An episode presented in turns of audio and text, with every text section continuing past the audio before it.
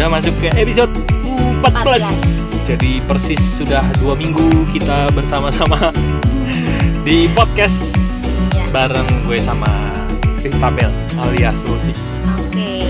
Oke, kita mau bahas tentang MLM. Ini Ya. sebenarnya bahasan yang nggak tahu deh.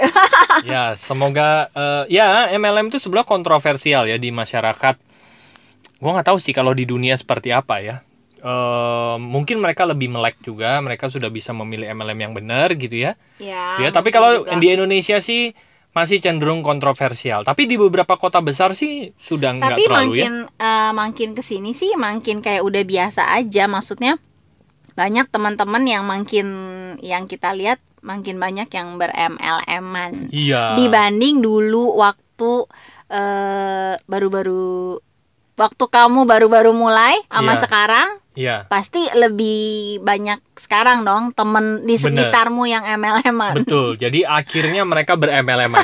ya, jadi dulu gua nggak nyangka mereka bisa berMLM-an kok uh, akhirnya mereka juga ujung-ujungnya berMLM-an gitu. Sedangkan Iya. gua udah berMLM-an dari SMA. Gitu ya. Oh, SMA gua iya. udah mulai berMLM-an tapi ya masih main-main lah. Gue cuman gue cuman lihat wah kayaknya keren ya itu punya penghasilan gede ya gitu ya itu dari SMA sih cuman nggak jalanin serius tapi dari dulu gue udah berMLM-an dan eh, sekarang gue melihat banyak temen gue yang Hmm. akhirnya eh, Iya. menjadi MLMers Dulu tuh eh, saya tahu kamu MLM-an itu pas itu kita udah balik apa belum ya? Udah balik lah ya. Wah nggak inget Nggak ingat. Pokoknya Nggak pas eh, terakhir yang SMA? balik, Kuliah? yang enggak yang SMA saya nggak tahu kamu oh belum belum apa. belum belum Jadi 2004 itu pas Belum, akhirnya belum balik. kita balik. ya belum Iya. balik orang kamu kaget lihat saya pakai baju rapi Oh iya iya iya. Cuma Ngapain waktu itu lu? waktu itu kita ketemu ya. ya Dan saya terus terang saya agak agak ilfil sih waktu itu karena eh, apa ya biasanya kan Ari kan kaosan, celana jeans, terus tiba-tiba gue ketemu dia gitu pas liburan tiba-tiba dia kemejaan, celana bahan, gue jadi, hah kesambet apa nih anak gitu kan? Terus ya pokoknya ya sempet ya aneh gitu ngelihatnya dulu. ya Terus kan manusia bertindak dari pengetahuan yang dia miliki waktu itu diajarinnya begitu Oh. jadi ya harap maklum ya Iya. Nah, terus eh, pas kita jadian lagi yang terakhir itu juga seandainya nih, seandainya Ah. eh, Ari tuh bukan bukan sahabat yang gua kenal Dari dari, kecil. SD Ah, gitu, ah, yang oke. sudah perjalanannya panjang bareng-bareng. ya Mungkin Kak, mungkin ya kalau gue punya cowok terus gue tahu cowok gue MLM-an gue kayaknya bisa langsung seketika itu gue ilfil loh kalau bukan Ari ya. Karena kalau Ari kan ya memang sudah banyak di luar sudah banyak cerita yang kita lalui Lewati ya, gitu. ya. jadi begitu di MLM-an ya, ya itu ya, ya udahlah hanya sebagian kecil. Tapi kalau orang baru bener-bener baru terus gue jadian terus di MLM-an kayaknya gue bakal langsung kita udahan ya. Dengan alasan-alasan nggak tahu apa gitu. Karena menurut gue ya gitu ya mungkin gue seperti banyak orang lainnya yang masih ngelihat MLM Ah. tuh eh, iya gitu deh gitu ya. Ya cuma itu nanti akan gue tanyakan juga ya ke Ari ya nah Ya. pertanyaan Nah, gue sih gimana Sebetulnya yang yang kamu rasain itu jadi dasar sebetulnya buat orang-orang jalanin MLM atau network marketing ya bahasa kerennya ya. Bahwa orang itu nggak join ke bisnis MLM lo gitu. People not join people not join uh, your company gitu. People join you gitu. Kalau orang udah nyaman sama kita gitu ya, orang udah suka sama kita, sering kali peluang orang untuk bergabung itu gara-gara bukan gara-gara bukan produknya, gara-gara bukan gara-gara perusahaannya. perusahaannya, tapi karena dia udah nyaman sama orangnya gitu. Iya. Jadi dia udah percaya, oke lah, lo bisnis ini ya, menurut lo bagus ya, ya udah deh gue ikut gitu. Tapi kan juga ada kebalikan yang tadinya kita eh, seneng sama orangnya, eh, tiba-tiba begitu dia MLM dia jadi You some, feel ya. someone Oh, karena dia yang berubah. Iya, Ah, dia iya, berubah iya, terus iya. jadi kayak ini kayak temen gue bukan sih kayak jadi kok nggak Iya, asik kayak- lagi iya, gitu. iya, iya, ya iya, itu iya. nanti mungkin akan kita bahas ya. Kenapa sih Iya, iya, kok bisa eh, Begitu kebanyakan begitu, gitu ya. iya. Iya, iya, nah, iya, iya. pertanyaan pertanyaan pertama adalah sebenarnya Ah, eh, kenapa bahkan ka- dari kamu SMA Heeh. kok kamu udah bisa kepikiran Iya. milih MLM itu untuk jadi eh, untuk menjalankan MLM sebagai bisnis gitu. Apa yang maksudnya pertamanya itu kenapa Apa gitu? yang nyambet saya gitu? Ah, ah, gitu. Kalau gue sih pertama gini ya, gue melihat yang pertama memang jujur kalau SMA itu gue sekedar ikut-ikutan dan terus terang gue kesengsem sama eh, orang-orang yang berhasil itu duitnya banyak gitu. Wih Ya. bonusnya gila bonus bisa segitu ya, bisa dapat ratusan juta dalam waktu yang sangat singkat banget. Dan Benar-benar. lo kan kalau dilihat di, diikutin podcast podcast gue, gue kan orientasinya duit. Ya kan, gue doyan Ya. duit gitu kan. Terus gue ngeliat gila ya dalam waktu singkat, terus ada anak-anak muda bahkan anak SMA, anak eh, Hmm. kuliahan itu mereka udah bisa bayar kuliah sendiri. Ingat ya, Hmm. zaman itu internet belum kayak sekarang. Di mana Ya. orang belum apa belum ada zaman dulu resell, Itu- reselleran, dropshipan. Tahun berapa itu? Gua SMA berarti tahun 2000-an. Ya, 99 2000-an lah. Oke, Ya. ya. Te- kan belum ada kayak zaman sekarang dropshipan, jualan Belum. apa itu belum ada. Jadi pilihan untuk menjalani sebuah untuk mendapatkan income gitu ya untuk level-level pelajar atau mahasiswa Ah, ya iya, pilihannya iya, ya relatif sedikit Benar, gitu benar. dan MLM itu menawarkan lo bisa punya penghasilan gede banget dengan modal yang relatif nggak ada yang penting lo mau kerja aja gitu Dan diajarin. dan juga. diajarin dan gua ngeliat gila penghasilan bisa gede banget begitu ya wah gua langsung nganggep bahwa wah ini keren Dia lah langsung- asik banget langsung gitu. apa namanya? Langsung berbunga-bunga. langsung berbunga-bunga iya benar kayak tapi tetap jauh lebih berbunga-bunga waktu kita jadian sih Oh gitu. iya kalau MLM ya Ah. itu hanya sekedar bisnis lah Oke, ya baiklah. Oke, terus itu berarti ya, Nah, itu berarti itu pertama kamu lihat dari hasilnya yang bener gede. dan gitu. waktu ingat waktu itu pilihan bisnis pilihannya dikit yang memungkinkan untuk kamu sebagai pelajar SMA bisa memiliki Ya. penghasilan besar, yaitu saat satu-satunya yang ideal itu dengan cara MLM. Betul. Terus Oke. mulai agak serius, mulai agak ya. Gue bilang ba- baru mulai agak seriusnya itu kuliah lah. Nah, Jadi itu yang kuliah- gue tahu ya, yang Ya. gue mulai tahu tuh. Gue kuliah akhirnya berMLM-an agak serius itu tahun 2003. Oke. Gara-garanya itu Pak dosen gua cerita buku The Cash Flow Quadrant. Hmm, Jadi wah, lo bayangin ya, ada dosen kuliah, kuliah kimia kalau nggak salah waktu Loh. itu. Kuliah kimia. dikirain entrepreneur atau apa gitu Enggak. bidangnya. Ternyata dosen itu jalanin MLM.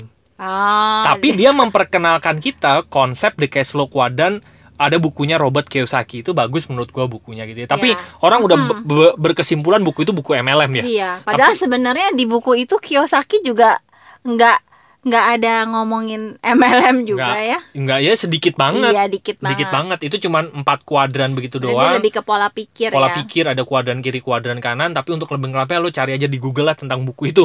Jadi kita nggak mau bahas buku itu di sini gitu ya. Iya, iya. Tapi itu sangat membuka. Jadi salah satu kata Pak dosen waktu itu ya, Mm-mm, pertama kali mm-mm. lo harus paling nggak nanti lo harus pindah ke kuadran kanan katanya. Kuadran kanan ini bahasa kerennya itu uang bekerja buat lo suat atau suatu saat bisnis yang lo bangun bisa menghasilkan uang secara terus menerus untuk untuk untuk kamu gitu dia bilang untuk kamu eh, itu yang namanya passive income. Ah. Nah itu sangat membuka, uh keren banget ya ada yang begitu gitu. Hmm. Nah sampai akhirnya eh, dikenalkan MLM tahun Oke. 2003 sama temen lah intinya kayak gitu. Ya. Nah mulai dari situ serius karena udah mulai kebuka paradigmanya sedikit demi sedikit gitu, nggak cuman sekedar duit lah. Gitu. Oh, bisa diceritain apa aja? Apanya? Maksudnya yang nggak sekedar duit itu apa akhirnya yang mem kan di Gini. di kan ini pertanyaannya tadi apa sih gue nanya kenapa kamu milih MLM? Iya. Di awal memang mungkin alasannya materi. Duit, ya. Nah, kalau cuma sekedar materi mungkin akan cepet Ya, dong kayak ah udahlah ternyata enggak Yes. ini. Tapi ada yang membuat kamu bertahan bahkan bertahun-tahun Ya, bahkan sampai, sampai sekarang, sekarang. Iya. kamu tetap menganggap eh, jalanmu di situ. Nah, selain materi apa nih gitu Ya. dalam perkembangannya yang membuat kamu still di situ? Oke, yang pertama karena ingat kalau di podcast gue, gue sering cerita gue tuh doyan ngajar. Iya. Nah, di network marketing itu eh, apa namanya ada panggung untuk itu gitu ya. Hmm, Ada panggung untuk mengajar orang gitu ya. Nah, itu yang itu yang pertama kali gua demen gitu ya. Kayaknya kalau Oh. gua tampil itu karena kayaknya wah. karena kamu dulu lukanya itu sih ya Iya. menginginkan pengakuan dan penghargaan. Bener. Jadi wah jadi dikasih penghargaan Jadi- kayak eh, saya kebayang sih. Jadi salah satu surga dunia adalah ketika kamu maju ke panggung dan ditepukin banyak orang. bener betul gitu betul ya. betul Ah, iya. sekali gitu apalagi nama gua dipanggil apa segala macam wah Ah, baiklah. itu demen banget nah Oh iya iya. itu iya, iya. jadi pintu gerbang yang pertama tuh mas cemen banget ya SMA Iya. gitu ya cuman masalah duit eh, Oke. begitu ya terus Ya. dibukakan cash flow kuadran terus akhirnya ada gerbang untuk bisa mengajar lagi gitu ya nah Mm-mm. yang membuat gua makin makin jatuh cinta lah ya sama industri network marketing atau Iya. MLM Hmm. adalah waktu ya kita udah nikah lah ya kita udah Ah. nikah kita udah punya anak dan yang membuat gue jatuh cinta adalah waktu kejatuhan bisnis konvensional gue kejatuhan finansial Oke. itu yang membuat gue makin cinta sama MLM kenapa karena yang membuat kejatuhan finansial gue bukan MLM tapi bisnis konvensional Benar. Seandainya waktu itu kita nggak macem-macem ke konvensional, ya bisnis MLM bangkrutnya bangkrut apa ya? Ada iya bisnis MLM tuh nggak ada bangkrutnya jadi jadi yang membuat kejatuhan finansial kita adalah bisnis konvensional kenapa karena bisnis konvensional tuh perlu modal gitu ya perlu modal yang eh, relatif besar gitu ya Oke. Makanya di episode sebelumnya eh, se- yang sebelum sebelumnya gue cerita gue kehilangan duit sampai kita kehilangan duit sampai mm lah ya di sana gitu. Nah itu membuat gue cukup terpukul. Nah Oke. gue mereview iya ya kalau di MLM nggak akan terjadi gitu. Nggak akan mungkin terjadi lo kehilangan duit MM-an dari mana ceritanya lo wong join MLM itu bisa gratis kok gitu Jadi paling kalau di MLM itu nggak berhasilnya ya minimal minimalnya nol gitu kan. bener Tapi nggak nggak jadi minus. nggak jadi minus gitu. Nah di bisnis konvensional itu bisa jadi minus dan itu dampaknya bisa ber, berke- Iya, berkelanjutan gitu ya. Nah Benar-benar. jadi Oke, itu- pemaaf berarti. jadi bisnis MLM itu bisnis pemaaf menurut gua. Kenapa? Karena tadi modalnya tuh relatif kecil banget. Karena modalnya relatif kecil banget, resikonya apa gitu? Resikonya nggak ada, relatif nggak ada. Paling kalau misalnya eh, untuk awal-awal ya, untuk MLMers tahap awal gitu ya. Iya iya beginner beginner. Beginner newbie. MLM tahap, tahap awal itu resiko terburuknya adalah ditolak orang. Ya. Ya udah, orang paling lo nawarin terus orang bilang enggak deh, gua enggak dulu deh gitu. Sepanjang sejarah hidup gua gua nggak pernah diusir orang kok, nggak pernah gitu. Kayaknya banyak tuh yang di MLM tuh didramatisir aja gitu. Em, Buat buat cerita hebat di panggung gitu. biar makin memukau buat gitu bikin ya. memukau nggak pernah gitu. Gua nggak Oke. pernah eh, hubungan gua juga Ya atau mungkin caramu juga nggak sampai yang bikin orang pengen ngusir. iya sih. Kita nggak tahu Iya. kalau ada yang beneran diusir. Iya bener-bener. Kadang-kadang kan ada yang maksa, ada yang apa segala macam gitu. Iya ya. iya iya. Jadi itu itu Oke. bisnisnya pemaaf, Uh-uh. terus karena modalnya kecil, resikonya jadi kecil banget gitu. Benar. Jadi gue langsung compare antara bisnis konvensional gua dengan bisnis MLM yang gue udah jalanin bertahun-tahun. Compare Oke. yang pertama tadi masalah modal, masalah uang yang harus dikeluarkan ya untuk modal. Benar. Iya. Itu aja udah jauh banget, bener-bener jauh banget, Iya, jauh banget. gitu ya. Yang kedua masalah ribet. Oh Dulu, iya, benar. uh, ribet bisnis itu kan ada banyak. Masalah karyawan, ngurus karyawan. Karyawan. Kita dulu punya karyawan berapa sih? 60-an ada ya. 60-an ada gitu ya. Jadi pada saat kita uh, punya karyawan begitu happy, seneng gitu ya. Cuman ada masa-masanya pada saat kita jatuh itu kita juga harus mikirin buset gak sih karyawan Bayar belum karyawan dibayar. gimana?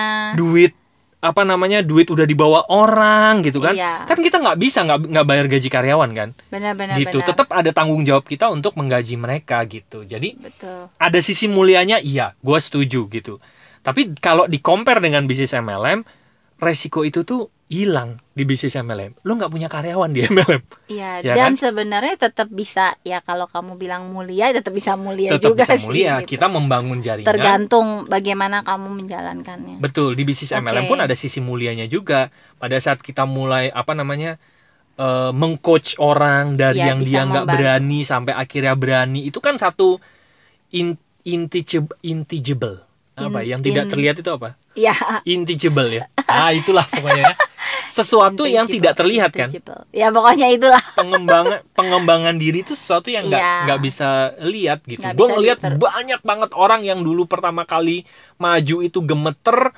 sekarang tuh bisa ngobrol dengan oh enak ya gitu benar kan. benar benar Terus orangnya jadi lebih luas, pergaulannya makin hebat dan nggak cuman berhenti di MLM-nya gitu.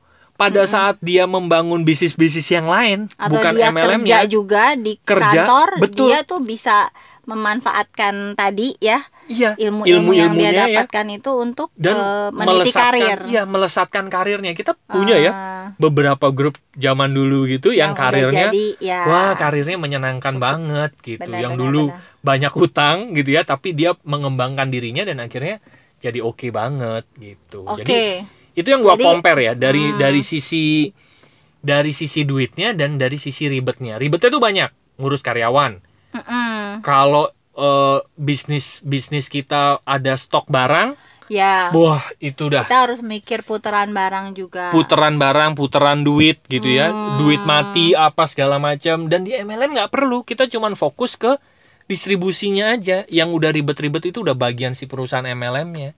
ya, udah. ya ya Kita kerja dibayar. Apalagi Oke. sekarang ada MLM yang dibayarnya bonusnya harian. Wah gila bener ya. Hmm. Lo Bener-bener. closing sekarang, besok udah net profit masuk. Net profit itu udah dipotong pajak. Kita bang ngurusin PT, iya ngurusin pajak, ngurusin bikin laporan keuangan bikin laporan keuangan Iya, benar-benar itu kan juga menguras Benar. tenaga gitu Iya. jadi mulai Oke. dari kejatuhan finansial itu gua malah Jadi, makin cinta jadinya. makin cinta gitu. Karena compare-nya jadi jauh banget. Iya iya gitu. nah beberapa teman gua yang pengusaha itu akhirnya juga jatuh cinta sama MLM atau network marketing. Kenapa? Karena mereka compare sama bisnisnya mereka kan? Iya ya, gitu benar-benar mereka kalau udah mereka udah masuk di bisnis MLM mereka mulai mereka mempelajari gitu mereka langsung bilang deh teman-teman yang pengusaha itu kenapa nggak dari dulu gua bisnis networking ya gua nggak pernah tahu ada the beauty of network marketingnya itu. Kayak gini gitu begini ya. karena kalau dulu kan taunya ya udah tawarin produk ya udah gua beli deh gitu.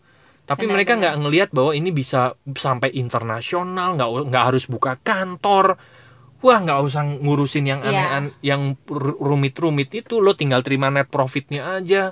Cuma memang banyak orang nggak kebayang ya. Iya. Jadi kayak kalau kamu bilang kalau udah pernah jalanin network marketing pasti eh, sebenarnya nggak mau jalanin konvensional karena berasa ribet. Tapi kalau orang eh, pebisnis atau karyawan Iya. yang di luaran malah bingung masa sih enakan MLM kayaknya susah gitu ya. Itu memang semua orang eh, mungkin karena belum nyemplung ya jadi Bener. belum dapat insight-insight gitu. Betul betul. Kayak Oke. saya lah saya udah pernah jatuh cinta sama kamu saya susah jatuh cinta sama yang kamu lain. susah lepas. Kan dari udah sering disantet kayaknya. Nah gitu sih. Ah, itu oke, yang membuat kenapa saya makin jatuh cinta sama industri network marketing atau MLM gitu. Hmm ya ya ya Terus? ya. Oke, Ah. berarti itu tadi ya, itu Ah. alasan dari yang alasan cemen sampai Iya. akhirnya akhirnya berkembang sampai kamu benar-benar bisa bandingin eh, dengan eh, pengalaman kita di bisnis konvensional ya juga. terus menurut gua begini juga banyak orang banyak orang belum eh, gini gua tuh karena di MLM udah berapa belas tahun ya gua dari ya, anggap 2003 2003 deh. berarti sampai sekarang 16 16, tahun, ya. tahun ya. dari 16 tahun eh, gue ber-MLM-an ria itu gitu ya gue ketemu bebe- eh, beberapa MLMers gitu ya Mm-mm. eh, luar negeri gitu ya Mm-mm. MLMers luar negeri yang memang jaringannya lintas negara gitu Ya. jadi di MLM tuh lo bisa gitu misalnya lo tinggal di Indonesia dan nanti lo punya jaringan di mana di Thailand di Eropa gitu ya asal Mm-mm. perusahaan MLM-nya support hal itu jadi Ya. kompensasinya tuh lo bisa dapat dari mana-mana. Itu bisa. Jadi lo bayangin lo bisa punya bisnis lintas negara. Yang Oke. di mana lo bayangin aja kayak misalnya lo punya perusahaan ekspansi ke negara. Itu kan kalau perusahaan ekspansi udah kebayang ribetnya kayak Wah, iya, apa ngurusin gitu kan. hukumnya ngurusin legalnya ngurusin tempatnya segala macem kan. Hmm. gitu ya. Ngurusin satu dua cabang aja satu di satu Iya. tempat aja. Kebayang nggak? Apalagi ini lintas negara. Nah di, di network marketing tuh bisa gitu. Lintas negara lo tinggal tinggal modalnya cuman eh, punya koneksi di sana atau bahkan koneksinya tem koneksinya koneksinya temen lo gitu ya. Iya. itu nanti jaringannya bisa gede banget di di luar negeri gitu. Mm-mm. nah gue ketemu banyak eh, apa namanya kita sebut leader network marketing luar negeri lah ya. Oke. dan mereka income-nya tuh gede banget gedenya itu bener-bener menurut gue sekali lagi ukurannya gue ya gitu ya Iya. mereka bisa dapetin eh, miliar per bulan belasan miliar per bulan bahkan puluh miliar per bulan Heeh. itu ada dan banyak gitu Oke. dan banyak dengan latar belakang yang sangat variatif Hmm. gitu. Nah, karena gue ngelihat orang-orang yang udah seperti itu gitu ya Mm-mm. gue tuh la- langsung inget yang itu loh apa piramida lompatan hidup Ah ya yang kemarin. inget ya yang Iya. episode ke 10 ya kalau ya. Bisnis, investasi, spekulasi itu. iya nah Mm. gue cuman ngelihat gue cuman eh, ada be- ada beberapa temen lah ya yang di Indonesia pun banyak lo bayangin mereka jalanin bisnis MLM itu dalam waktu dua tahun tiga tahun anggaplah lima tahun deh gitu ya Mm-mm. lima tahun mereka bisa kumpulin duit net profit nih ya Mm-mm. net profit itu bisa 30 m 50 m Hmm. bahkan ada yang 18 bulan ngumpulin 30 m Oke. itu kan bener-bener jadi fondasi kan itu yang lo dapat sangat eh, apa? Sangat mapan yang gitu sangat ya. mapan capital gain yang sangat gede banget Ya. nah setelah itu kalau lo lo bayangin deh kalau lo kerja eh, tiga tahun lah atau lima tahun nggak usah deh 30 m ya Mm-mm. bisa Berapa? dapat 5 m aja Ya. ya kan bisa dapat 5 m aja abis itu asal lo bisa mengolahnya di level Ah, berikutnya yang ya, investasi itu ya Investasinya. benar, investasinya diolah dengan cara yang bagus lo udah pasti udah melipat ganda. udah melipat ganda lo udah lo udah punya ternak duit itu Ya. Ya kan, benar kan? Benar-benar. udah dengan modal yang sangat relatif kecil Mm-mm. lo bisa dapat lompatan hidup lompatan finansial Ah, ya. gitu nah itu salah satu the beauty of network marketing dengan modal yang sangat kecil banget resiko yang sangat minim banget lo bisa punya kita bisa punya fondasi bisnis yang kuat dan stabil dan bisa dapetin apa namanya Mm-mm. capital yang gede banget Mm-mm. untuk siap-siap meloncat ke untuk siap-siap dilipat gandakan di kolom investasi dan spekulasi Oke. nah itu yang mungkin banyak orang nggak lihat gitu ya Iya, makanya nggak heran banyak loh leader-leader apa MLMers luar negeri yang bisa mengelolanya itu asetnya sekarang sudah nyampe triliun. Hmm. gitu. Bukan dari hasil MLM-nya ya. Iya. bukan dari hasil MLM-nya Hasil tapi lipat gandaannya. hasil pelipat gandaan yang mereka memanfaatkan gitu ya. Fondasi awalnya itu dari bisnis network marketing. Oke. gitu. Setelah itu mereka bisa mengembangkan asetnya di mana-mana. Mereka bisa beli properti saham dan lain sebagainya. Hmm. gitu. Oke, eh, kan berarti tadi kita eh, udah denger ya, maksudnya Hmm. iya alasan terus kayaknya banyak kelebihan-kelebihan, banyak eh, apa tuh kemudahan-kemudahan mm, maksudnya dibandingkan dengan kon- konvensional ada beberapa aspek yang jauh lebih sederhana di eh, MLM, Ya. MLM gitu ya, susah kan MLM. iya Eh, Nah, nah pertanyaannya kalau memang MLM atau network Network marketing itu eh, seenak itu sebenarnya peluangnya sangat besar, Nah, tapi kan sayangnya banyak orang yang masih negatif sama MLM dunia itu. Ya. Nah, kalau menurut kamu kenapa sih eh, kok bisa banyak orang negatif? Iya, Dari padahal- dulu loh. iya. Eh, dari dulu yang namanya MLM itu selalu dipandang sebelah mata kayaknya Iya. ya itu tadi. Malah nggak dipandang. Gue aja ilfil gitu kan. Nah itu sebenarnya apa ya Eh, akarnya tuh dari mana gitu. Kok banyak Ya. orang bisa males sama dunia itu? Menurut gua ya Ya. ini sekali lagi menurut gua menurut pandangan gua. Yang pertama yang membuat itu terjadi adalah pelakunya sendiri. Oke. Gitu. Jadi orang yang jalanin MLM Mm-mm. gitu. Kenapa? Karena orang masuk MLM bisa jalanin MLM itu nggak ada sekolahnya. Semua orang bisa kok join MLM ya kan kan Oke. kan kalau kan kalau misalnya kita mau praktek dokter kan harus ada izin Oh. dokternya dulu kan gitu jadi kan. maksudmu tidak ada standar untuk ada. pelaku MLM betul. Jadi yang bagus bisa yang bisa dikatakan yang say nol ya. banget iya. nol banget juga bisa. Nah bener. Secara mungkin, attitude gitu ya. Ah, berarti yang banyak bikin ilfil itu sebenarnya para MLMers yang eh, sebenarnya levelnya masih attitude-nya masih Iya. ya itu tadi kenapa gua nggak enak ya ngomongnya? Yang attitude-nya masih kurang gitu. Bener gitu. Karena semua orang bisa masuk MLM gitu. Modalnya Iya, apa iya, sih? iya, lo iya. cuma store KTP kan?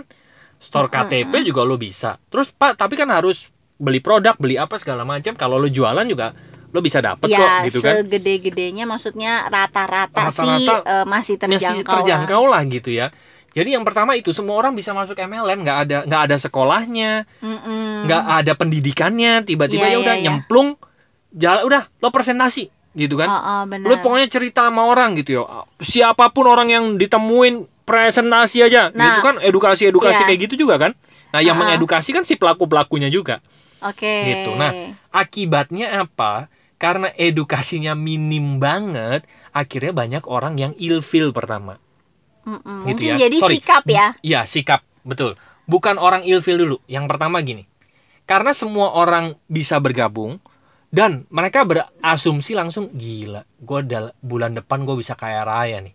Atau berapa bulan lagi gue punya penghasilan sekian Mm-mm, gitu ya. mm-mm, Nah mm-mm. padahal pada saat dia menjalankan akhirnya nggak sesuai eks- eks- ekspektasi. Ya. Nah, akhirnya dia berhenti terlalu cepat gitu. Pak, dia berhentinya itu gara-gara gini.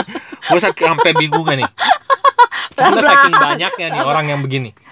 Bahkan gue yang di MLM aja gedek gitu sama orang-orang di MLM yang begitu gitu. Heeh, heeh. Karena begini, mereka mereka berhenti masih pada saat level amatir.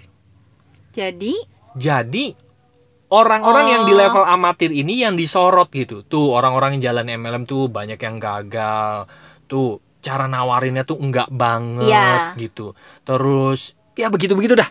sebenarnya sih daripada yang gagalnya lebih banyak kalau menur- menurut gue dari Iya. sudut pandang orang yang pernah ilfil sama MLM adalah kebayangnya memang lebih ke attitude-nya orang yang Attitude, jalanin MLM. Jadi Iya.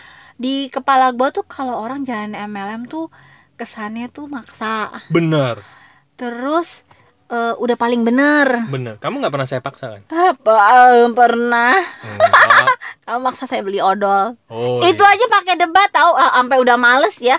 Oh iya. Hmm, ya Oh berarti waktu itu saya masih amatir. Iya, kamu memang Ya. belum sejago sekarang. Tapi kalau sekarang sih kamu udah ya pinter lah. udah Iya. bisa masuk-masuk. Maksudnya kok konotasinya jadi udah bisa aneh nih ya masuk-masuk. gitu. Nah, iya Iya. bener. Nah, kalau misalnya kita mengacu ke episode sebelumnya tuh, masih ingat nggak? Setiap orang itu harusnya memainkan banyak peran dalam kehidupannya. Ya Iya, kan? Ada heeh. ada peran menjadi sahabat, ada peran Oke. menjadi apalagi? Ada peran menjadi saatnya jadi bos gitu ya. Heeh, heeh. Jadi ayah, jadi anak segala macam itu di episode berapa itu kita sudah bahas. Kebanyakan orang yang join MLM, perannya tuh peran MLM terus. Oh bablas. bablas. Jadi lupa setiap ganti. ketemu orang, ya udah, kayaknya berasanya gua mau presentasi nih gitu.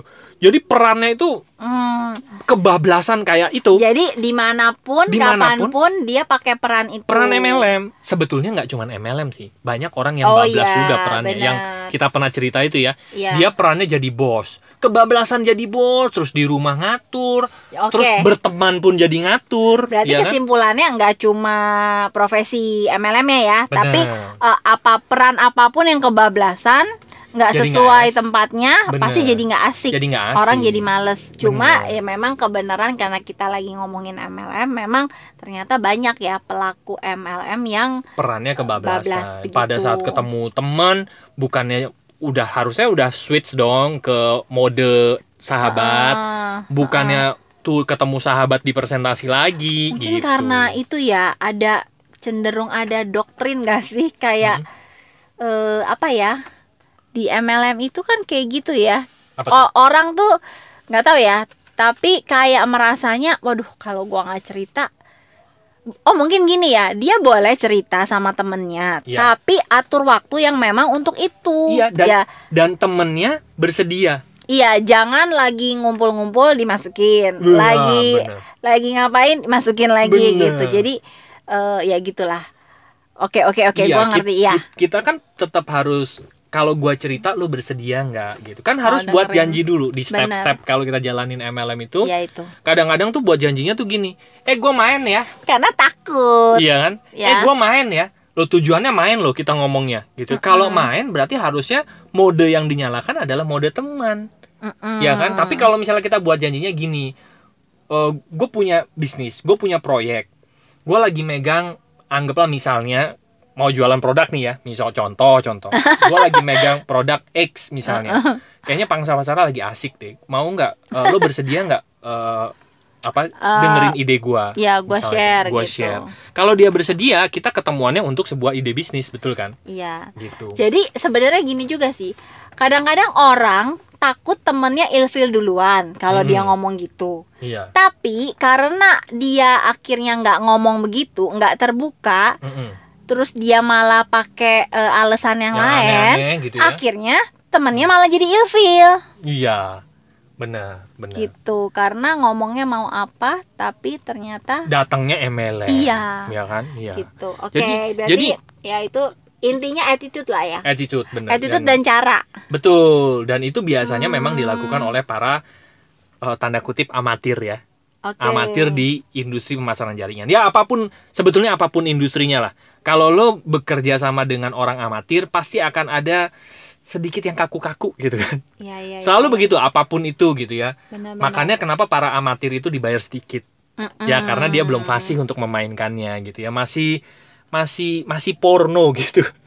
Vulgar, vulgar. Ya, ciri ini ya kalau gue sih ngelihat kalau ngelihat eh, apa namanya orang MLM itu amatir apa enggak lihat aja dari postingan media sosialnya.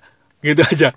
Oh, Jadi kalau misalnya orang oke. masih amatir itu biasanya wah postingan media sosial langsung produknya gitu ya, langsung bisnisnya, langsung ada bulat-bulatnya tuh gitu. Nah, itu udah pasti terus logo perusahaannya gitu. Itu kayak masang gambar porno gitu. kayak langsung telanjang gitu. iya, bener Iya, iya, iya. Padahal kan semua bisnis itu dibangun dari relasi dulu kan.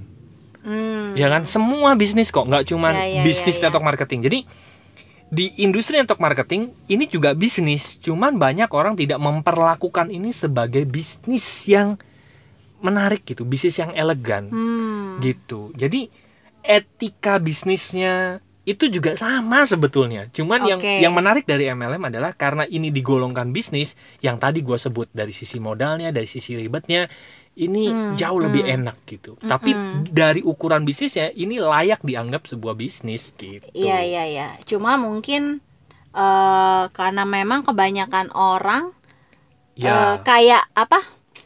eh cuma ngelihat doang hasilnya Bener. gitu kan, tapi begitu ngejalanin kok eh tidak seindah yang dilihat gitu. Bener. atau sering kali juga ada eh, nggak tahu ya gimana cara bedainnya MLM yang beneran sama kadang-kadang ada juga yang nggak Ah, jelas Ya. Yang kedua yang membuat citra MLM buruk adalah yang disebut sebagai money game. Hmm, Money game itu bukan MLM atau network marketing ya, gitu. Jadi tapi sering kali kan dipasarkan dengan cara dengan konsep berjejaring Ya. gitu kan dengan konsep networking jadi money game itu biasanya ciri-cirinya eh, udah lo nggak usah kerja lo dapat duit lo jadi kaya deh gitu. Ini enak sih sebenarnya. Iya benar. Makanya orang kalau lebih beneran. orang lebih tertarik dengan hal itu kan Ah, gitu iya, gitu. Nah biasanya duit duit kita itu cuma diputer-puterin aja. Jadi duit lama bayar duit baru jadi Oke. member yang atas itu dapat duit karena ada member baru yang bergabung duitnya dikasih ke sana gitu. Jadi money game ini ciri-cirinya lo bisa search lah di di Google ada gitu ya. Bedanya MLM sama money game itu apa? Bedanya network marketing dengan money game itu apa gitu ya. Bisa di search. Tapi yang pasti, yang pasti ya, Mm-mm. menurut gua ya sekali Iya. lagi nggak pernah ada sih orang yang nggak belum belum kerja terus dapat hasil. Ya itu Kalau memang- kategorinya bisnis ya, Mm-mm. kecuali lo ditawarin investasi, oh ya ya kan? Kalau kita konteksnya membangun bisnis, lihat dulu dia mau nawarin sebagai apa? Oh ya lo investor aja. Kalau investor berarti layak dong, gua nggak ngapa-ngapain, gua terima imbal hasil, hasil, ya. ya kan? Tapi kalau nawarinnya bisnis, terus dibilangnya, udah lo nggak usah ngapa-ngapain, nanti lo setiap bulan dapat sekian persen. itu Hati-hati. agak aneh Iya, Ya. lo pasti akan kemungkinan besar lo dijebak money game gitu. Oke. Di Berarti eh, berarti kita ya memang ya kayak milih perusahaan lah ya. Maksudnya emang milih MLM pun harus cari yang benar partneran dengan dan yang bagus. tepat. nah, Betul. ada kriteria nggak yang bagus itu MLM seperti Apa, apa? yang gitu ya? ada apanya gitu. sebetulnya sederhananya kalau di Indonesia ya. Ah. Kalau di Indonesia kalau di Indonesia MLM tersebut harus punya SIUP L namanya. Jadi kalau PT biasa itu kan SIUP ya, surat izin apa sih? Usaha Usaha, perdagangan. penjualan Eh, SIUP Ah, itu apa sih? surat is- surat izin usaha perdagangan, ya kayaknya. Iya. Nah, itu kalau PT biasa tuh SIUP. ya, Kalau tapi ini- kalau perusahaan network marketing atau MLM itu harus ada siup L. Nah, jadi kalau lo ditawarin MLM cuman dikasih siup hati-hati, itu udah pasti MLM bodong. Belum Gitu ada ya? izinnya. Ah. Gitu. Jadi jangan sia-siain waktu lo untuk membangun bisnis MLM yang nggak ada siupnya. Kenapa? Nanti kalau lo udah capek-capek setahun dua tahun bangun, Hmm. perusahaannya tutup, gone. Udah, Iya iya iya iya. ya udah, Oke. lo nggak bisa dapat apa-apa lagi gitu ya. Hmm. Satu kategori yang mutlak ada di Indonesia adalah dia harus punya siup L, gitu Oke. ya. Terus Nah, abis itu apa lagi? udah sih itu aja. Pokoknya Udah. tanya dulu ada siup L-nya nggak? Gitu Kalau ya. soal Terus, ah, ininya ada nggak kayak itu tadi ya? eh, ada nggak MLM yang ya. eh, maksudnya bisa ngajarin Ah, untuk oke. orangnya itu ngejalaninnya dengan cara yang yang, benar. elegan gitu, Ya. nggak bikin ilfil. Oke, jadi gini, selain itu ke- kelegalitasan MLM-nya ya. Oke, jadi kelegalitasan. tadi, Jadi ya. itu harus ada dan wajib ada Mm-mm, gitu ya. mm-mm. Yang kedua begini, MLM itu tidak hanya sekedar lo nawarin orang, enggak. Ah, iya, Jadi kalau kita mau berhasil di industri pemasaran jaringan, it's about me lagi, balik, Ini balik- lagi, balik lagi, sebenarnya it's about me. eh, Oke, gitu ya. ya. Jadi bukan tentang oh kok gua nggak bisa nih bangun bangun apa jaringan gitu ya. Mm-mm, mm-mm. Itu bukan orang lain yang salah sebetulnya enggak. It's about me lagi. Berarti Ya. eh, apa namanya kapasitas gue itu belum bisa untuk menarik orang dengan sukarela ngikutin gua atau disebutnya leadership. Oke. Gitu ya. Nah, Itu harus ada pengajarannya. Kita biasanya Mm-mm. support system gitu ya. Support Iya. system yang bener-bener matang gitu ya. Mm-mm. Jadi support system ini yang memungkinkan lo nggak perlu susah-susah ngajarin jaringan lo. Dan juga memungkinkan kita dari yang awam itu bisa bertumbuh, Betul. bisa Mul- berkembang. Benar. Dari banyak skill. Mulai Ah. dari skill merekrut, skill bicara, skill mendengarkan, ah, skill kita sebutnya people skill ya. ya. People skill lalu eh, apa namanya membangun tim gitu ya. Ya, pokoknya bekerja sama juga attitude, diajarin. semuanya itu diajarin oleh support system yang hebat Oke. gitu, yang oke. Nah, jadi selain kalau misalnya lo ditawarin sebuah network marketing selain ada kelegalitasannya, lo tanya dulu, ini diajarin nggak? Ada step by stepnya nggak? Karena network marketing keberhasilannya adalah it's about me, gitu ya. ya. Jadi bener-bener kitanya dulu yang berkembang, akibat kita jadi expert, sorry, kita jadi expert, Oke. ya kita jadi expert, baru uang itu baru datang. Ingat kata ayah Edi, Iya. ya kan? Apa? Minat.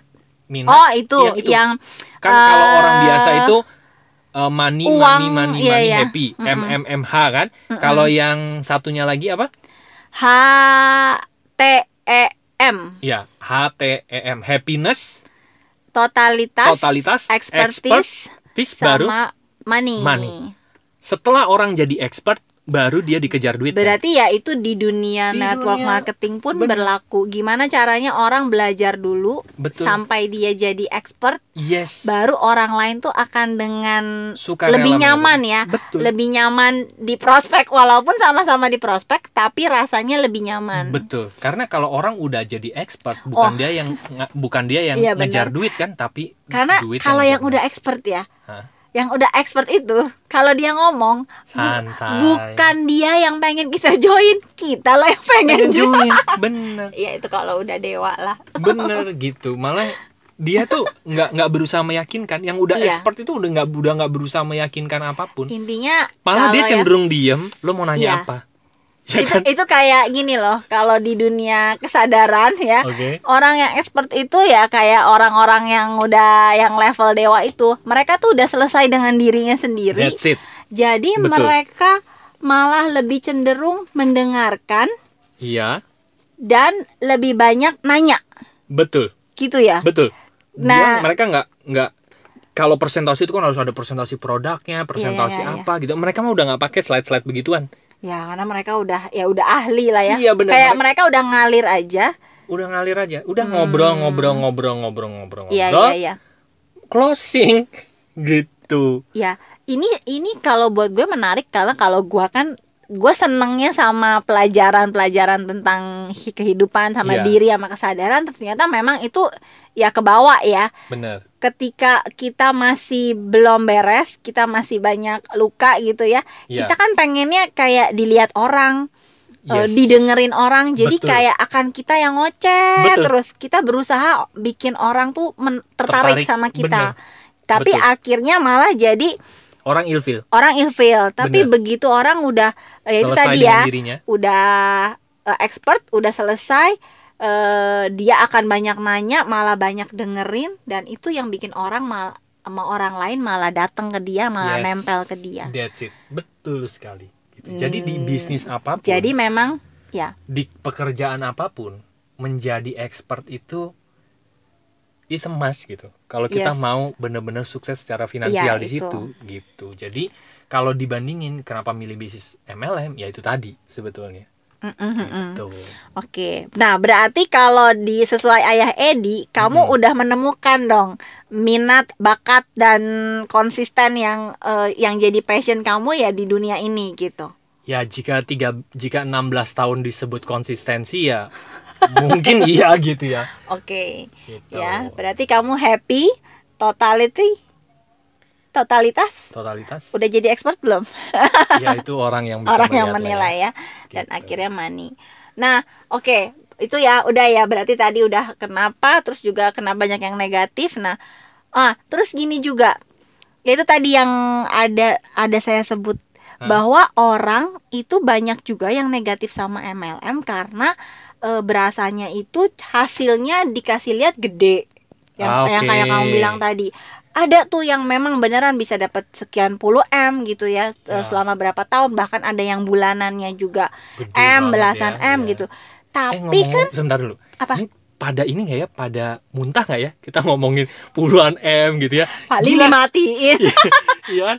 Mungkin bagi teman-teman oh, uh, it's okay lah ya gitu ya. Kan namanya juga lompatan hidup ya kan? Iya, iya, Kita iya. berharap teman-teman juga bisa mengalami hal tersebut gitu Iya, ya. Bisa soalnya memang yang ya ya karena itulah goal yang kami sup- kita denger juga emang udah awalnya kita juga kaget hah beneran ya bisa begitu ya. kok gitu. bisa ya gitu Kan katanya kalau mau wangi bergaulah dengan para penjual parfum. juga parfum gitu ya ya, Ya, ya, ya. mudah-mudahan kita ketularan Amin amin amin. Jadi mulai mulai membiasakan diri ya. ya nah Oke, per- oke. pe- pertanyaan tadi itu yang bikin ilfil adalah kayaknya kesannya MLM tuh bombastis Wah banget gitu gitu wah ya. banget Oke. tapi pada kenyataannya yang nyampe ke situ tuh cuma sedikit lebih Oke. banyak yang gagal lebih Yeah. banyak yang nggak nyampe nah sebenarnya apa gitu yang bikin itu terjadi walaupun mungkin di semua bisnis pun atau di semua kehidupan yang namanya juara pasti lebih dikit gitu Benar. cuma kalau di dunia MLM kamu kan udah 16 tahun tadi tuh Iya. kira-kira apa sih yang akhirnya bikin orang itu nggak nyampe ke eh, titik yang wahnya tadi eh, yang ditujunya itu Oke, menurut gua sih semua bisnis sama. Kenapa Iya. orang tidak mencapai puncaknya? Karena mereka berhenti sebelum menjadi expert. Itu aja sih Oke. sebetulnya. Kebanyakan orang berhenti pada saat mereka menjadi amatir. Pada saat mereka jadi amatir, ya wajar mereka nggak dibayar besar, gitu. Hmm. Nah, tapi pada saat mereka akhirnya menjadi expert, apa pun bisnisnya nggak cuman MLM, mereka akan dibayar besar kok, gitu. Nah, Iya. contoh begini, ini kerjaan para amatir MLM ya, gitu. Begini, pada saat orang ditawarin MLM, terus mereka berpikir gini, oke, teman saya si A bisa, teman saya si B bisa, si C bisa, dan mereka prospek ABC itu, ya si orang itu prospek ABC, dengan dengan bayangan pasti mau, semua Wah, Ya, kalau. ABC join, mereka jalan, gua kaya. Iya kan?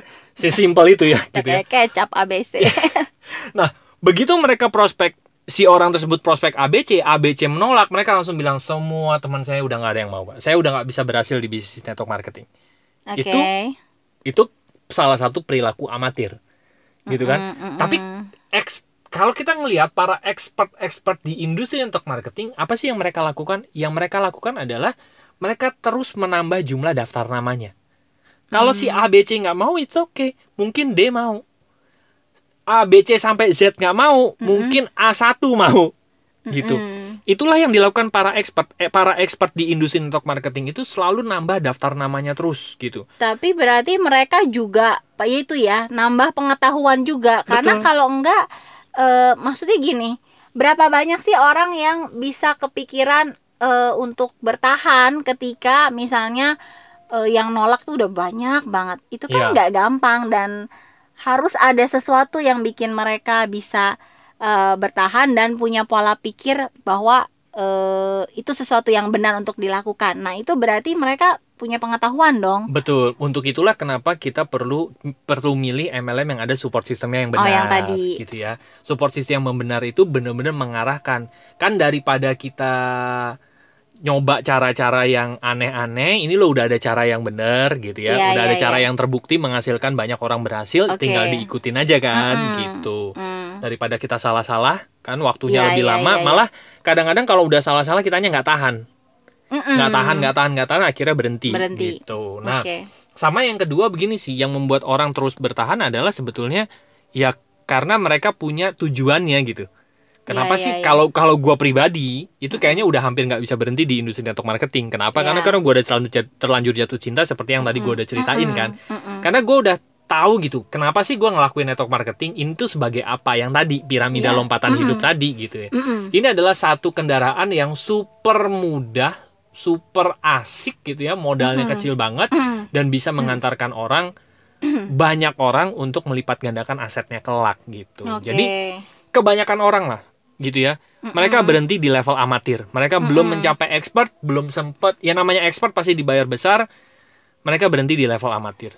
Itu sih Oke. sebetulnya. Sama kayak gue juga baru dengar tadi ya di YouTube orang yang menjadi youtuber banyak.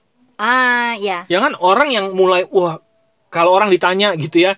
Kalau zaman dulu mau ditanya eh jam orang anak zaman dulu ditanya mau jadi apa? Presiden, ya pilot gitu ya. Kalau anak zaman sekarang ditanya mau jadi apa? YouTuber, vlogger vlogger gitu. Iya. Cuman tahu nggak dari sekian banyak youtuber yang akhirnya jadi Atta Halilintar, yang akhirnya jadi, waduh namanya kok susah ya, Lionel yang tahu, PewDiePie apa? PewDiePie ya PewDiePie ya, tahu. yang menjadi dia lebih tahu nih si Koko orang-orang yang menjadi itu sedikit. Kenapa? Karena mereka akhirnya menjadi expert di situ. Oke, berarti memang patokannya adalah jadi expert dulu. Benar kata Betul. Ayah Edi itu ya. Karena banyak orang patokannya adalah hasil. Hasil bener. Ya, Become an expert setelah itu duitnya baru datang. duitnya datang. gitu apa pun apa pun bisnisnya patokannya itu kok Iya, sebetulnya tinggal kita mau nggak melampaui 10.000 jam. Konon katanya kan kalau mau jadi expert harus melampaui 10.000 jam dulu kan. Mm-mm, melakukan eh, apa namanya kegiatan tersebut akhirnya kita menjadi expert di situ. Nah. gitu. Nah, oke, berarti kan kalau disimpulin tadi ya, benar tuh ya kalau orang mau dengan maksudnya intinya gini, dengan segala kelebihan-kelebihannya uh, network marketing, oke uh, yang sebenarnya itu mempermudah orang untuk uh, bisa lompat bisa lompat Betul. ya. bisa mengalami lompatan hidup ya Iya, benar. Eh, cuma kan kalau di Ayah Edi bilang intinya orang harus suka dulu. yes Orang harus happy dulu ngerjain ini Betul, gitu benar. kan. Kalau nggak happy ya dia nggak bakalan nggak lanjut bahkan nggak bakalan mau masuk yes gitu kan. betul Nah, kira-kira kalau menurut kamu Mm. Eh apa ya yang bisa bikin orang itu happy Di di, bisnis ini sehingga paling enggak mereka tuh eh ya bisa melihat ini sebagai satu jalan untuk mereka gitu. Oke, yang pertama itu sesuai yang kita bahas dulu. Mereka harus temuin dulu minatnya, Mm-mm. minat mereka, bakat mereka. Yang tadi Iya. kalau waktu itu episode kapan itu gue cerita bahwa gue tuh happy dengan mengajar. Hmm, Nah, teman-teman yang pasti gini dalam konteks memilih bisnis ya, Iya. Kak, bisnis MLM ini memerlukan apa sih? Eh, Bisnis MLM ini sebetulnya nggak perlu pinter ngomong juga bisa. Kalau Iya. teman-teman memang nyaman mendengarkan orang, ini bisa jadi cocok. Oh itu malah skill yang sebenarnya tadi ya expert aja Ex- belajarnya untuk itu gitu Bener. untuk bisa mendengarkan. Betul. Jadi Mm-mm. yang penting apakah minat dan bakatnya teman-teman sesuai dengan industri ini, gitu ya. Tapi Mm-mm. ingat industri ini tidak sebelumnya tidak memerlukan orang yang pintar ngomong, enggak, gitu ya. Terus orang yang pintar ngerayu orang, enggak juga, gitu ya. Malah kalau dilihat di industri sebenarnya bisnis network marketing itu sama kayak bisnis-bisnis yang lain kok. Mm-mm. Skill-skill yang diperlukan sama juga kok. Skill adalah skill memahami orang lain, skill mendengarkan orang lain, skill bernegosiasi dengan orang lain. Itu kan skill-skill umum kan? Skill berhubungan skill sebenarnya. iya pi- kita sebutnya people skill. Oke, berarti Gitu. sebenarnya kan karena yang tadi ya tidak ada standar khusus untuk jadi pelaku MLM sebenarnya bidang apa kolom bakatnya itu bisa disingkirin. Karena sebenarnya untuk di MLM nggak perlu bakat kan? Betul. Karena tapi perlu minat perlu sama minat. konsisten. Iya tapi eh, iya perlu minat dan konsisten. Betul Gitu. Ah, Nah, minatnya berarti bisa ya itu. Bagaimana membangun minat ya orang eh, gimana? Ya mau nggak mau dia harus open kenal dulu, lah ya. Iya Ah, dia harus kenal dulu sama dirinya dan open gitu. Bahwa iya benar. industri network marketing ini sama kok sama bisnis yang lain. Bedanya adalah risiko yang sangat minim banget gitu. Iya, dengan segala keribetannya juga yang sangat minim banget. Kalau semua skill yang lainnya sama kok sama bisnis yang lain Iya, kalau- iya. anggaplah kita nggak ngomongin network marketing nih. Mm-mm, bisnis apa deh? Apa? Bisnis Bisnis eh, apa? bisnis apa? Coba misalnya bisnis besi misalnya. Mm-mm. tetap orang harus negosiasi sama orang bener kan? Iya. skill itu tetap ada gitu. Jadi Gitu. karyawan pun harus tetap juga ya ada bisa saatnya menjual diri eh, ya kan? Bisa menjual diri sama orang lain. Jadi eh, minat bakatnya itu bakat di industri network marketing pun itu sebetulnya sama kayak bakat-bakat yang diperlukan untuk berhasil di tempat yang lain. Oke. gitu. Kayak kecuali kita di network marketing dituntut bisa nari gitu. Kan enggak Ah, bisa ya gambar itu yang ya. bagus gitu. Nah, mungkin salah satu yang bikin orang berasa susah karena berasanya di pikirannya eh, bakatnya itu harus bakat ngomong bener atau bakat menjual. betul. Padahal sebenarnya ya itu tadi eh, di MLM itu sangat eh, selain pemaaf juga mereka sangat menerima ya. Jadi apa pun bakatnya eh, bisa dipakai gitu selama mereka ya bisa berhubungan dengan orang lah betul intinya gitu betul ya. betul betul Tinggal mereka menempatkan mau jadi apa. Bener, skill skill yang dituntut di network marketing adalah people skill, Oke. seni membangun hubungan dengan orang lain. Sebetulnya skill ini tuh bukan hanya di network marketing, tapi kalau kita ingin hidupnya damai, kita kan juga harus bisa baik dengan banyak orang gitu kan. Kita Iya. harus bisa membangun komunitas yang enak di di dunia ini gitu. Benar-benar. Oke, berarti kan tadi udah tuh ya kenapanya, terus eh, yang negatif-negatif juga udah dibahas, sampai ke kenapa yang gagal juga udah dibahas, sampai eh, kita sebenarnya ya itu ya kebayang ya intinya adalah open ya kalau mau open sama apa pun sebenarnya ya nggak cuma sama MLM Nah, gitu betul. sama ilmu apa pun pengetahuan apa pun kalau kita open kita baru bisa lihat insight-insight di dalamnya Bener. gitu oke Jadi apa pun bisnisnya sebelum menurut gua sekali lagi kalau Ya. ditanya sekarang kenapa memilih network marketing juga kalau dihubungin dengan ke- kehidupan adalah semua kegiatan kita di kehidupan kita itu ujung-ujungnya untuk belajar melepas ego gitu. ya Jadi untuk menuju expert yang tadi expert itu kan malah nggak nggak harus ngomong banyak, nggak Iya. harus apa banyak gitu ya. Uh-uh. Itu kan orang-orang yang kamu bilang tadi sudah selesai dengan dirinya Mm-mm, dan mm-mm. di industri network marketing bisa juga gitu melalui apa namanya perjalanan melepas ego itu dilalui dari industri ini. Bisa Iya, banget. Mulai bisa dari banget. ditolak orang itu kan kita belajar untuk menerima gitu ya. Terus, menerima iya, luka-luka kita menerima benar. untuk kenapa gua harus diakui sama banyak orang? Kenapa gua Ah, harus ah, ah. dihargai sama lebih banyak orang? Gua udah cukup kok dengan diri gua sendiri gitu ya. Iya benar. Jadi apa pun bisnisnya, terus karena gue memilih industri network marketing, gue cuma merasa bahwa industri network marketing ini adalah jalan gue untuk menyelesai, untuk Melepas, seles, untuk ya, se- untuk selesai selesai dengan, dengan diri gue sendiri. Pada saat gue udah selesai dengan diri gue sendiri, gue menjadi expert, ya itu tadi uangnya hasilnya yang akan hasil datang. hasilnya akan datang. Dibanding gue, ini pilihan gue sekali lagi ya, dibanding gue memilih untuk menyelesaikan diri gue dengan bisnis konvensional. Ya yang dilepas banyak banget gitu ya. Duit yang dilepas banyak banget gitu ya wah gila ya, Ya, top gitu. banget itu gitu ya. Jadi itu pilihan gue sekali lagi. Dan kalau teman-teman merasa bahwa eh, apa namanya jalannya mirip sama gue ya kenapa enggak juga memulai di bisnis network marketing begitu. Oke ya. Udah Oke. berarti udah ya kira-kira itu eh, podcast hari ini kita Ya. ngobrolin tentang seputar dunia kontroversi iya. MLM network- network marketing ya. Ya jadi semoga apa teman-teman kesimpulannya? Udah ya Jadi, tadi ya? Ya, become an expert di bidang, Di bidang apa pun, gitu ya. Kalau teman-teman memilih di industri network marketing ya become eh, jadilah expert juga di sana gitu ya karena para expert lah yang dibayar besar nantinya gitu. Kalau teman-teman sekarang masih dalam posisi bingung gitu ya, udah mulai tertarik dengan industri network marketing dan bingung memilihnya seperti apa, silakan masuk aja ke lompatan hidup ke website kami ya, lompatanhidup.com. Nanti ada tiga Ya. strip di atas tuh ya. Itu ada home, blog, bisnis, pilih bagian bisnis, langsung ada lambang WA, klik aja di situ. Mungkin kami bisa membantu Anda untuk atau kita bisa bekerja sama juga di Ya, sebuah industri berkolaborasi. berkolaborasi di di network marketing gitu ya supaya kita bisa happy bareng-bareng lah berkembang bersama-sama Ya, oke. oke thank you sudah mendengarkan dan ini episode paling lama sepertinya gitu ya sudah Karena ini satu jam bidangmu gitu ya. iya iya Jadi banyak dan yang semoga kamu saya nggak terlalu ceritakan. banyak ngomong Loh, ini kan podcast. Oh, Kalau iya. kamu nggak ngomong terus jadi siapa diem yang ya ngomong? jadi podcastnya diem gitu zing gitu ya Iya.